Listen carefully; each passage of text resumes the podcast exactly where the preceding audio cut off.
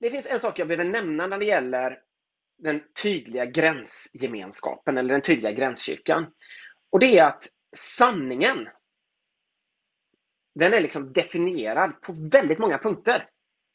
Och alla saker betyder lika mycket. Alla saker som definierar gränsen betyder lika mycket. Och Det är väldigt viktigt att man liksom är med på det. Och om man inte håller med på någon fråga som definierar gränsen, då får man liksom underordna sig väldigt tydligt eller lämna. För det är så tydligt. Det finns en nackdel med det här och det är att när man någon gång byter position, när gränsen liksom flyttas. Om det skulle bli så till exempel att man eh, kommer på ett annat sätt att dra den här gränsen. Då får man, då får man lite problem därför att då är det som att sanningen förändras. Och Det här beskriver många som är uppvuxna i frikyrkan. Att det som var så himla fel vid en tidpunkt är plötsligt inte fel längre. Och Det blir förvirrande, för det har varit så starka sanningsanspråk som hör samman med den här gränsen. Men den skapar trygghet under den tid där man är överens om gränsen. Det som sen hände Eh, i Sarakyrkan, liksom många andra frikyrkor, var att samhället liberaliserades väldigt mycket. Det börjar på 60-talet framför allt. Eh, och med lite eftersläpning så blir det svårt att tala tydligt om vissa gränser. Eh, därför att det samhälleliga gemensamma språket antagligen inte längre ger plats för det på samma sätt. Och Det är också så förstås att man tar intryck av samhället. Och Då får man någonting som vi skulle kunna kalla för en eh, otydlig gränskyrka. Och otydlig gränskyrka, det var det eh, ganska mycket när jag kom in i Saron på 90-talet. Då kände man att det finns en gräns här. Folk orienterar sig utifrån en gräns, men man pratar inte om det. Antagligen för att det hade blivit svårt att prata om det, att man kanske inte riktigt, man inte riktigt stod för det. Eh, eller man visste inte riktigt eh, var den gick eller vad man stod för. Men det fanns en gräns.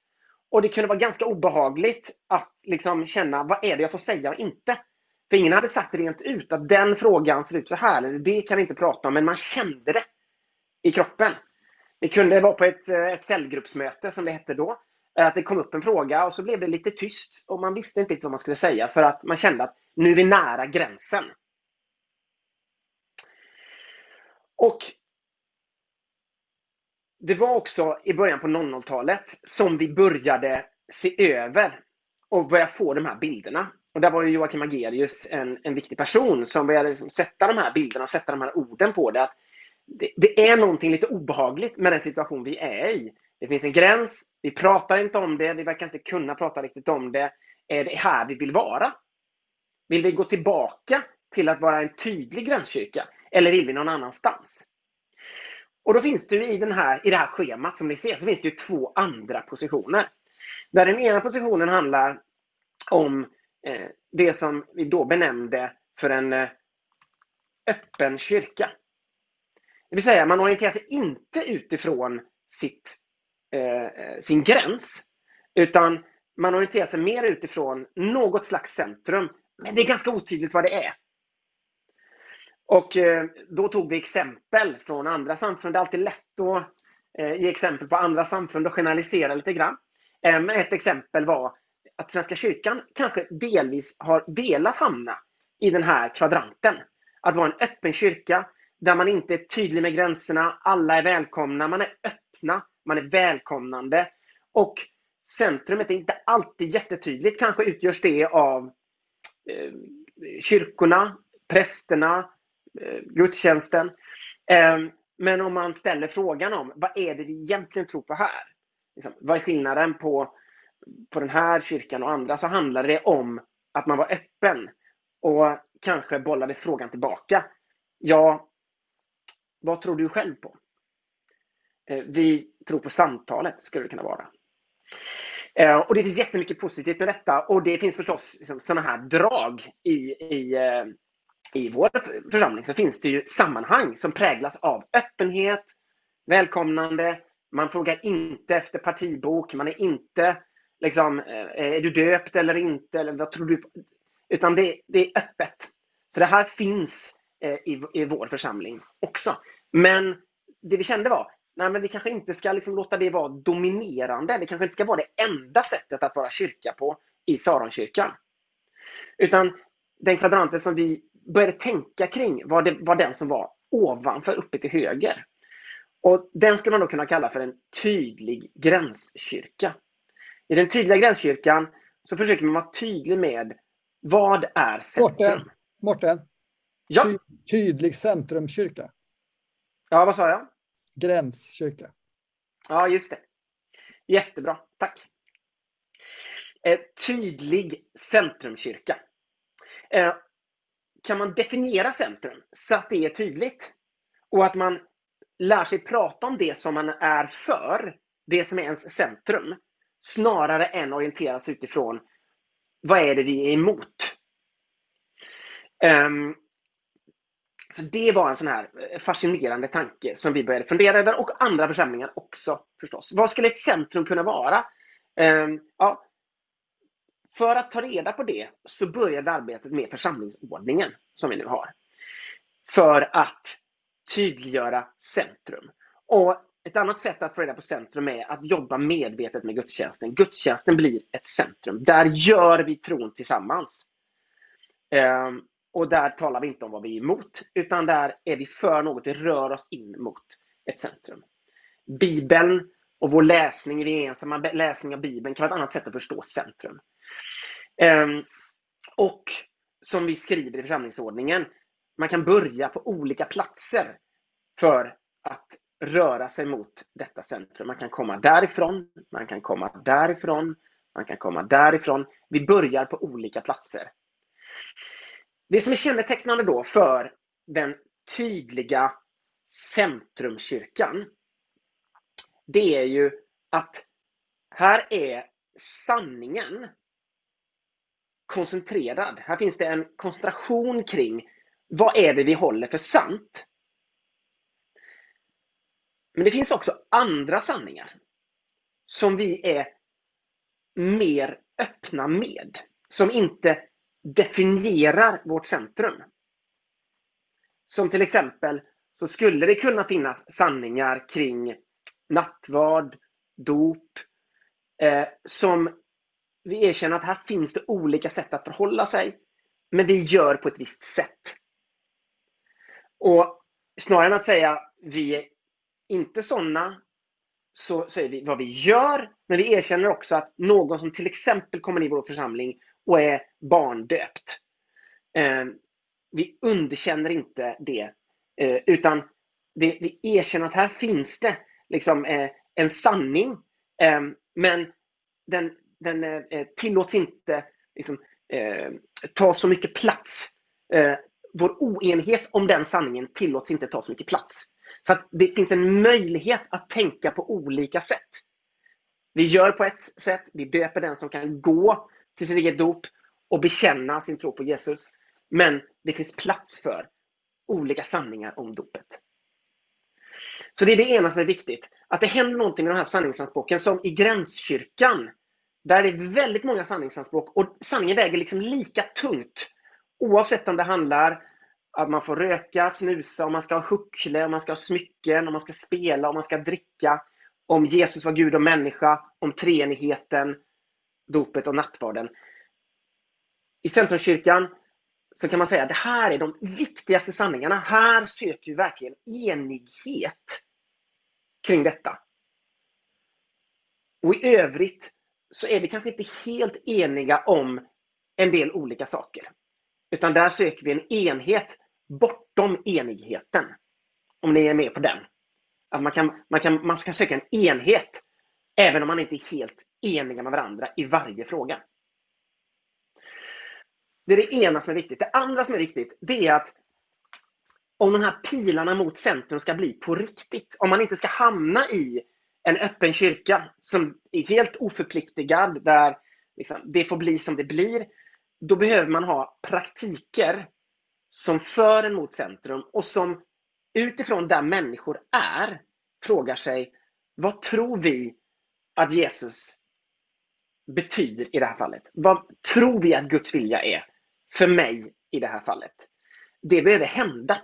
Det behöver vi göra. Det räcker inte att liksom, låta det gå. Utan vi behöver hitta sammanhang, till exempel andlig vägning, till exempel husgrupper, till exempel medvandrare, där man får ta upp, så här ser mitt liv ut nu. Jag vill söka Jesus ärligt med detta. Jag är beredd att förändra mitt liv om det behövs.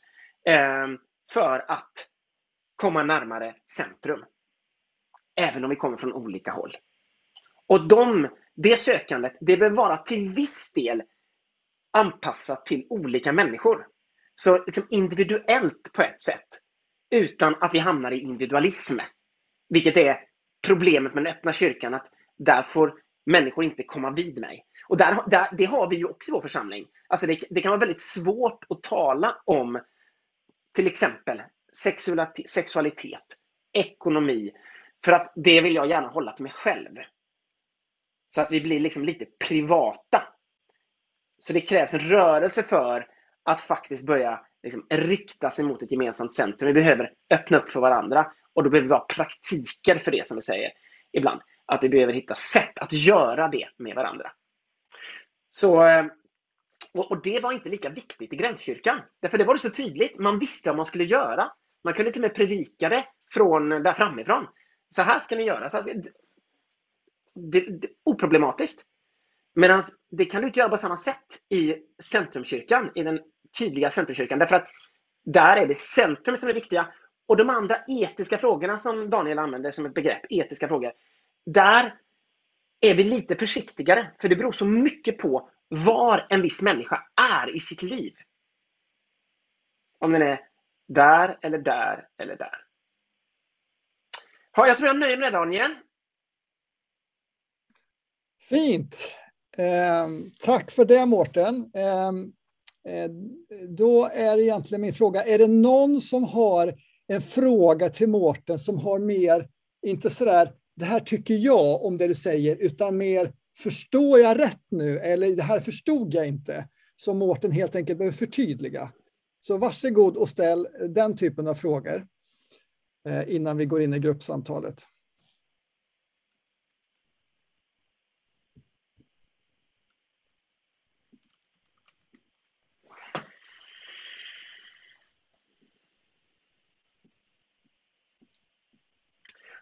Och, och det är lite viktigt här att man är med på att det här är en bild som vi tycker om för att den får oss att tänka. Och den kan få oss att samtala. Och den kan sätta igång oss. Och det är det som är tanken nu. Eh, så det här är inte så att eh, det här är liksom en ny sanning som, som man nu måste hålla med om. Liksom. Att nu ska alla inordna sig och ta sig eh, upp till den högra kvadranten.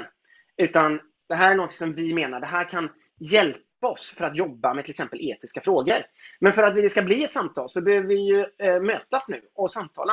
Och därför har jag lagt ut i chatten och jag tror att det följer med när Daniel har delat in oss alla i såna här breakout-rum. Och då är första frågan, vad har du för erfarenheter av gränskyrka, centrumkyrka och så vidare? Och där är vi ju från olika håll. Någon har varit med under gränskyrkotiden, någon annan har inte det. Eh, någon annan var med då eh, och kände så här inför det. Någon annan tyckte det var så här. Så det, det, är olika där. Eh, och det vill vi släppa fram. Vad tänker du inför Saron som en tydlig centrumkyrka? Är det en lockande tanke? Eh, låter det rimligt eller orimligt? Önskvärt, oönskvärt? Vad har du för erfarenheter av att i gemenskap söka dig mot Jesus, mot centrum? Har Saron sådana sätt, liksom, tycker du? Det här är tre stora frågor som vi kan ägna ungefär två timmar åt. Eh, det ska vi inte göra, utan när ni samlas, eh, börja lyfta en fråga. Stannar ni på en fråga så är det jättebra. Det viktiga är att ni är öppna för varandra, att ni låter varandra liksom dela sina erfarenheter och att vi inte går in och säger så där är det inte. Utan så är det för den som berättar det. Då är det ju så. Det är ju dens sanning. Liksom. Och sen kan du dela din och säga, jaha, så här ser jag på det. Jag påminner om detta, det här är så självklart, men jag påminner om det för att det är så lätt hänt att man, om man nu delar, att man känner sig lite trampad på när någon säger eh, någonting som den kanske inte tänker på att den säger, nämligen att den, den liksom ogiltigförklarar din erfarenhet. Sådär. Så försök bekräfta varandra istället. Spännande och intressant. Så här är det för mig. Liksom. Den sortens ord är bra att ha med sig i det här samtalet. Eh, vara kyrka utifrån sitt centrum är ju det som är rubriken och eh, ni hajar ju den utifrån kopplingen till den här fjärde rutan som Mårten var inne på. Eh, jag ska samt ta utifrån frågan hur, hur, hur ska vi förhålla oss då till gensvaret i evangeliet? Eh, hur ska vi förhålla oss inte minst mellan individ och kollektiv och så där? Eh, min första fråga jag kommer ställa här är hur ska vi som kyrka förhålla oss till eh, världen eh, eller samhället kring exempelvis etiska frågor, livsstilsfrågor. Eh, det här är ju en, liksom en brännande fråga, har varit i alla tider för kyrkan. Hur, hur förhåller vi oss i livsstil, i övertygelser i relation till till samhället. Eh, och jag återkommer till den här då, eh, pilen som även Mårten hade, fast jag har bara en lodrätt pil. Eh, och då har jag satt i varsina ändar av de pilen utmana eller uppskatta. Det kan vara ett sätt att uttrycka två då olika förhållningssätt till omgivningen. Att som kyrka eller enskilt kristen utmana eh, omgivningen.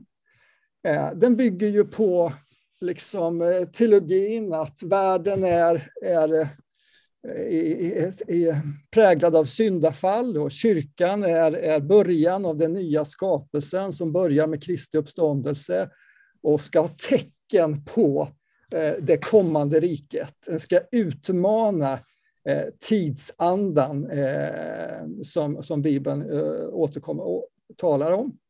Här handlar det om att vara motkultur, här handlar det om att eh, vara ett salt i förruttnelse, ett, ett, ett ljus i mörker och så. Eh, det andra är ju då är uppskatta, att helt enkelt kroka arm med samhället och arbeta för samhällets bästa med alla de krafter som finns, eller goda krafter som finns.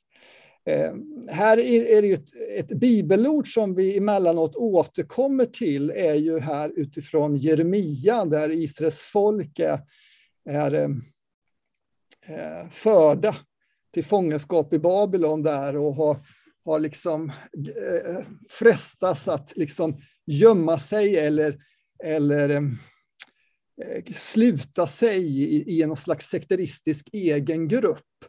Eh, och försöka överleva den här eh, tiden eh, så skriver Jeremia till folket att ni ska arbeta, söka stadens bästa. Eh, se till att den blomstrar, för stadens bästa är ert bästa. Det är ju en, en, en, en, en klassisk text som knyter an till detta. Eh, och här kan man, olika kyrkotraditioner har kanske placerat sig lite olika också på den här skalan. Ehm, allt ifrån folkkyrkan, eh, som kanske är lite mer än något uppskattande, och sen har vi inte minst kanske en baptistisk, eller om vi skulle kalla det för anabaptistisk tradition, som har betonat inte minst det utmanande i relation till, till samhället. Och går man för långt så blir det ju oftast en sekterism av det hela. Den här enkla bilden kan vara bra att ha när man kommer till en etisk fråga eller till en, en, en fråga om hur vi ska förhålla oss till saker. är ju, var befinner jag mig på den här skalan? Vad tänker jag om just det här området? Det här är någonting som, okej, okay, om vi tar, om samhället skulle säga i, i, kring sexualitet att allt som sker i samförstånd och inte gör varandra illa är okej. Okay. Eh, om det är på något sätt en, en, en, en övertygelse i tiden. Eh, nu finns det naturligtvis också vissa lagar som ytterligare mm, eh, ger, ger eh, ramar för detta. Men i stort sett skulle man kunna kalla för det som, det som sker i samförstånd och inte eh, eh gör den andra illa är okej. Okay. Är det någonting som vi kyrka, ja, det uppskattar vi. Det är ett gott förhållningssätt. Eller är det ett förhållningssätt att utmana? Ja, det där kan man titta på på olika frågor. Eh, och den där punkten då kan man då för olika frågor placera i mitten, naturligtvis för att båda de här bitarna bör finnas med. Men man kan också röra den här punkten då, beroende kanske på vad det är vi tittar på. Och här kommer vi till det enormt viktiga uppgifter som kyrka att urskilja. Och det är verkligen ingenting vi gör bara själva, utan vi gör det tillsammans. Vi gör det i sådana samtalarform, men vi gör det i husgrupper och vi gör det i, i goda samtal, i vägledningsrum och samtalsrum av olika slag. Jag fortsätter. Eh, frågan hur ska vi gensvara till evangeliet? Eh, tar vi den här pilen igen. Om vi ska liksom fortsätta tänka i bilder för att det är lätt att komma ihåg. Och även om det ibland förenklar så, så hjälper det ofta. Så skulle man kunna tänka utifrån de här två orden. Moralism och relativism eh, som två eh, vad ska man säga, diken eller två motpoler. Vad står de här fina orden för? Jag skulle definiera dem så här. I den moralismen så betonas vi att vi måste leva efter en viss standard för att få del av livet med Gud. Eh, här är inte nåden på något sätt eh, i, i, centrum. Och här skulle man lite klassiskt kunna lägga in begreppet en religion. Det är genom att vad jag klarar av eh, som jag blir delaktig i Gud, når Gud. I, i andra då polen, relativismen, ja, då skulle man kunna tänka så här att ja, men Gud älskar oss ju. Han älskar oss ju som vi är.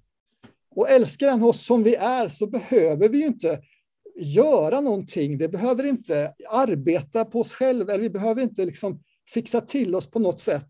Eh, vi behöver inte söka ett särskilt liv, ett särskild helhet eller rättfärdighet med Gud. Eh, utan som jag är så älskar Gud oss och så kan jag leva vidare. Eh, här brukar kyrkan kallas för den billiga nåden. Alltså man tänker nåden som någon slags ursäkt för att kunna fortsätta leva Eh, efter min egen eh, omdöme och näsa. Eh, man skulle också kunna kalla för att detta är andlighet i kontrast till religion. Alltså jag vill ta del av någon andlighet som inte har någon riktning eh, kring mitt liv och livsstil och eh, mitt sätt att leva. Eh, och eh, var placerar vi oss här då? Ja, här är det viktigt då att inte hamna i någon av de här två dikena, för det är ändå diken de här ses som. Och ska vi gå till kyrkohistorien så eh, säger då en kyrkofader som heter Tertullianus Eh, att de här två, han skriver så här, liksom Jesus korsfästes mellan två rövare så är evangeliet korsfäst mellan dessa två irrläror. Ehm, det vill säga att även om de här orden är kanske nya för oss så är de här dikena, eller de här, eh, inget nya i kyrkans historia. Och här behöver vi också förhålla oss i när man tänker och reflekterar kring Eh, lärjungaskap, livsstil, eh, efterföljelse. Ja. Eh, när närmar jag mig moralismen och när närmar jag mig relativismen?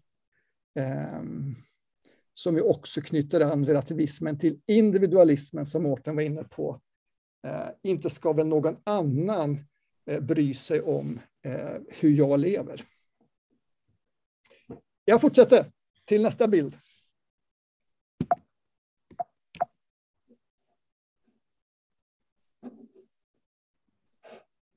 Eh, då kommer vi tillbaka här igen. Ska vi se. Eh, nu är det istället eh, tänkt på hur ska vi gensvara till evangeliet? Ja, då har vi i ena änden av den här skalan att alla ska gensvara på samma sätt efter församlingens direktiv. Eh, och det är det som Mårten var inne på, kanske kring Gränskyrkans... Eh, alltså, ehm, det finns en gemensam uppfattning på så här är rätt eller gott att eh, eh, leva. Eh, kanske kring ett specifikt område. Det kan kommas fram till genom att en speciell ledare, föreståndaren, kanske bestämmer det, säger att så här är det.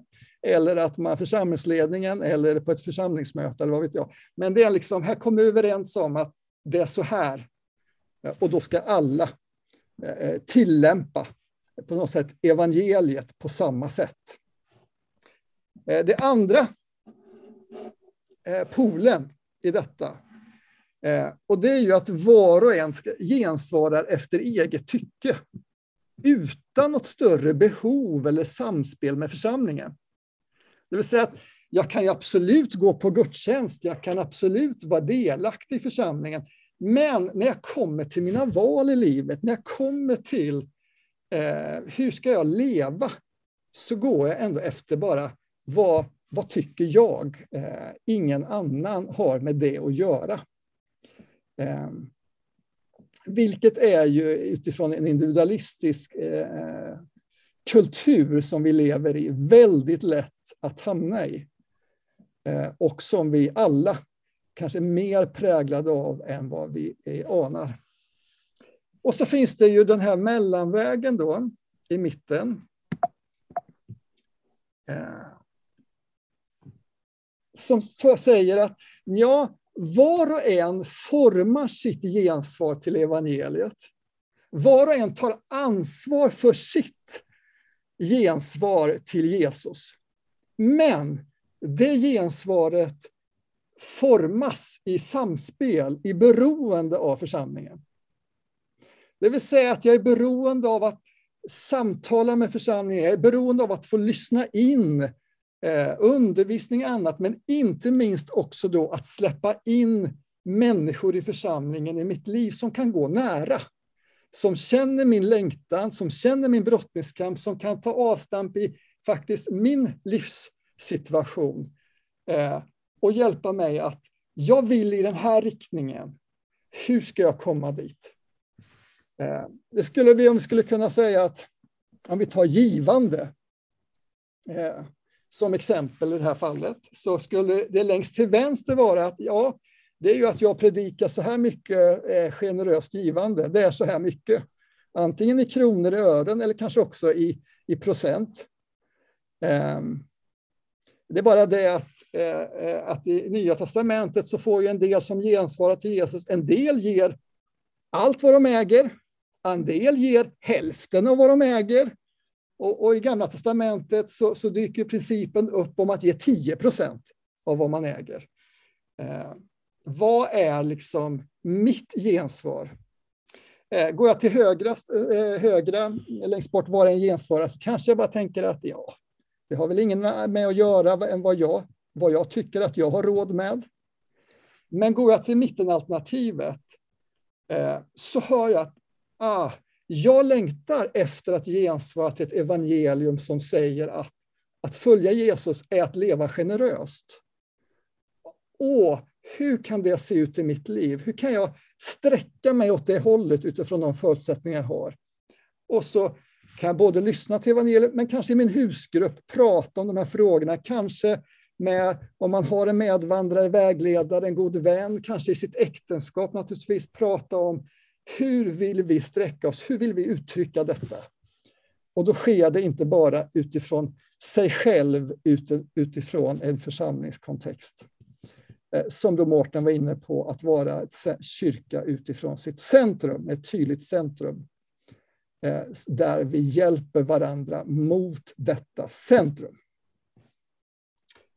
Okej, okay, punkt. Det var mina tre bilder eh, som ni förstår knyter an till Mårtens eh, utsaga där, eh, men säger det på lite annat sätt. Ni ska få de bilderna just nu med er. Jag lägger dem i chatten också. Ska vi se här. Det går.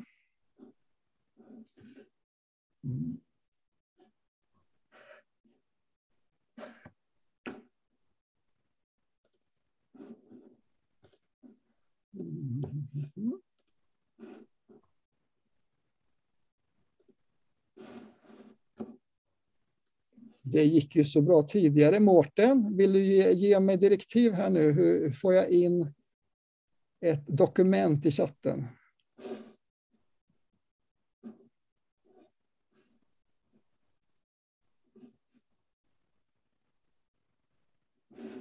Du får unmuta dig, Mårten. om det är så bra. Det är så bra att det, det känns som att man, ungefär som när man pratar till sina barn. Liksom. Eh, eh, det finns en liten symbol som en liten sida bredvid emojisen. Eh, i, eh, nere, i, nere i chattfönstret där. Om du klickar på den, då kan du lägga till file. Den gör inte det, men, men, frågan är om det är det för att jag... Den